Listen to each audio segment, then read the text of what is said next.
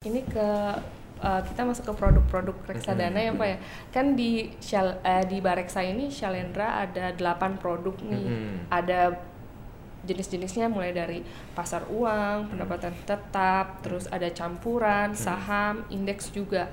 Nah terus uh, strategi uh, bapak nih dalam mengelola produk-produk itu tuh seperti apa sih pak? Masing-masingnya itu. Oh oke.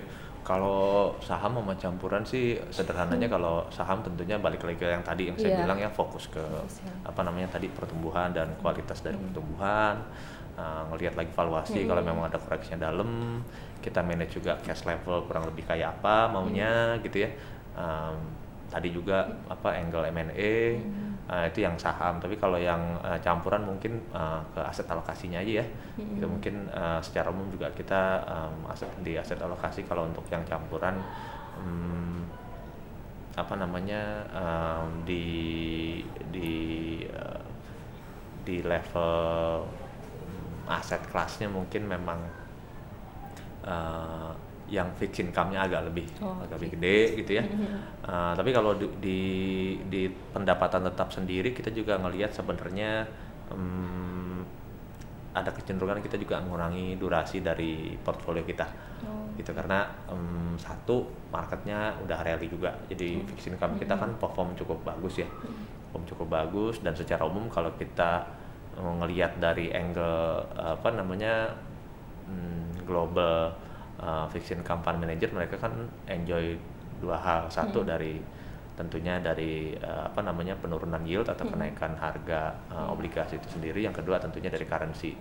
Karena kan mata uang kita juga eh, menguat. Ya lumayan lah ya. Nah gitu selama ya enam bulan terakhir lah ya. Gitu. Jadi em, bisa dibilang em, apa namanya rally di fixed income-nya tuh udah lumayan gitu ya poin kan kita sampai 6, bond yield 6,6 ya? Nah, 6,6 gitu ya. Jadi uh, kita juga ada ada profit taking di situ. Durasi kita kita turunin jadi lebih pendek uh, ya lebih lebih taktis juga di situ. Terus kalau untuk yang uh, money market sih biasanya um, kita juga cenderung agak ngurangin exposure ke um, obligasi corporate-nya ya.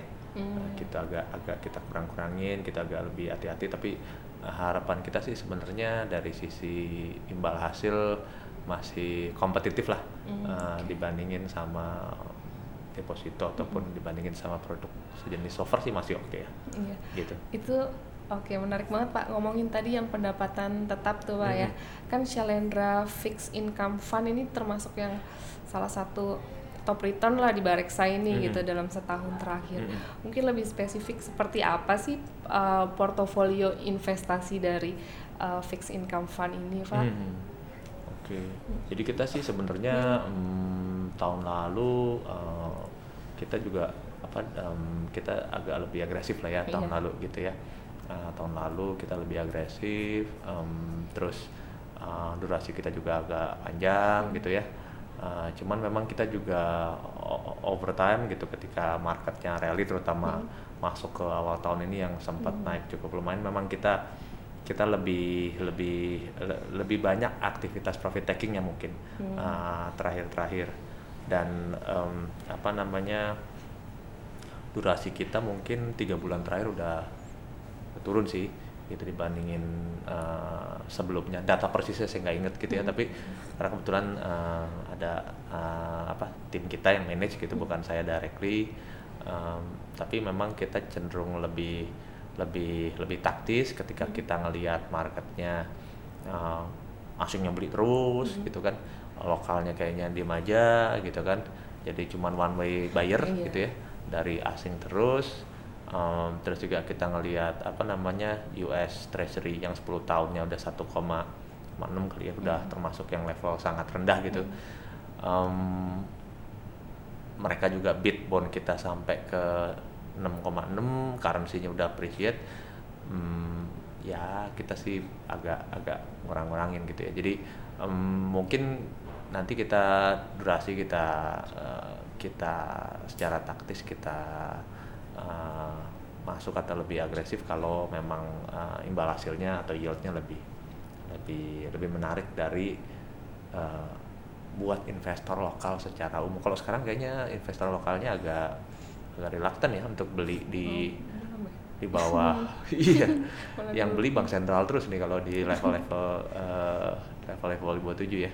Oke. gitu. Jadi mereka yang kasih support ketika asing eh, asing keluar kemarin gitu to certain extent eh, jagain currency dan jagain eh, itu kita gitu Oke, terus kalau ini Pak, itu aku malah baru tahu tuh tentang investor asing sama apa tadi Mm-mm. Hmm, domestik itu ya. Hmm. Itu berarti uh, seperti apa sih kalau untuk reksadana pendapatan tetap di tahun ini bisa nggak seperti tahun lalu atau tahun ada lalu tuh beda? double digit ya Mm, mm, mm.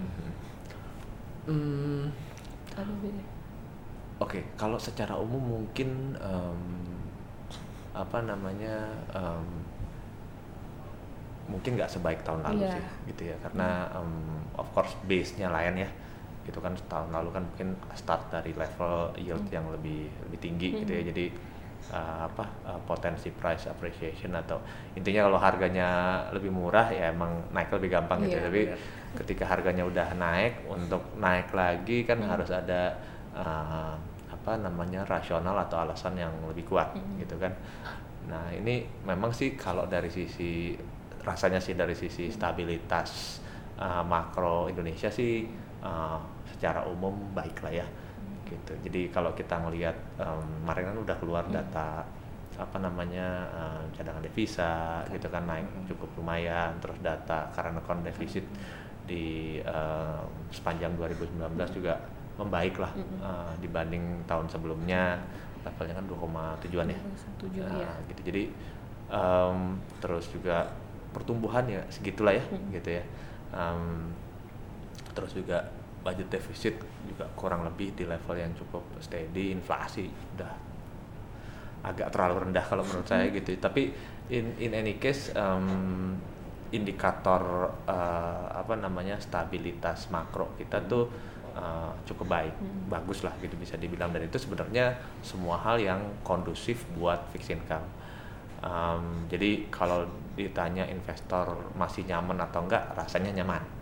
Gitu ya rasanya nyaman. Cuman uh, kalau mereka mau nambah secara agresif hmm, mungkin posisi mereka kan pertama udah punya Hmm. gitu ya.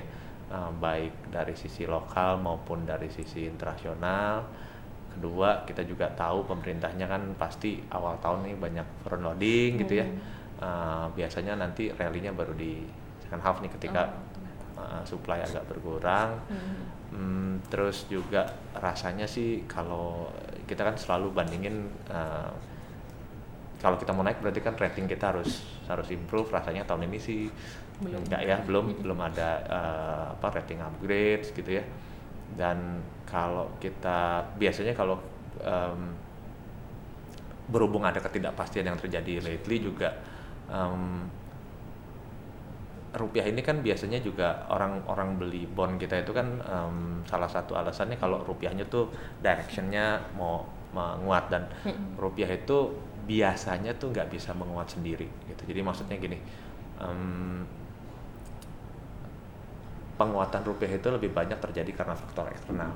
Jadi maksudnya kalau dolarnya melemah gitu ya eh, biasanya rupiahnya ya kuat gitu. Hmm. karena biasanya kita ngikut aja apa yang terjadi globally atau regionally gitu. Uh, year to date atau dari akhir tahun lalu mungkin ya penguatan rupiah itu kan terjadi karena memang dolarnya secara umum melemah dan karena renminbinya uh, menguat gitu. jadi ketika uh, apa namanya Cina sama US uh, berdamai. Berdamai. ada kesepakatan lah gitu ya. Uh, kitanya ikut gitu. Mata uang negara berkembang secara umum Hmm. membaik gitu ya. Uh, bukan kita aja gitu tapi ya mata uang di regional kan juga uh, membaik secara umum. Nanti ketika ada reversal kayak yang kita lihat selama 2-3 minggu belakangan ya memang akibatnya uh, apa namanya sedikit banyak uh, keganggu penguatan uh, rupiah tadi jadi hmm, saya rasa sih balik lagi ke itu tadi ya.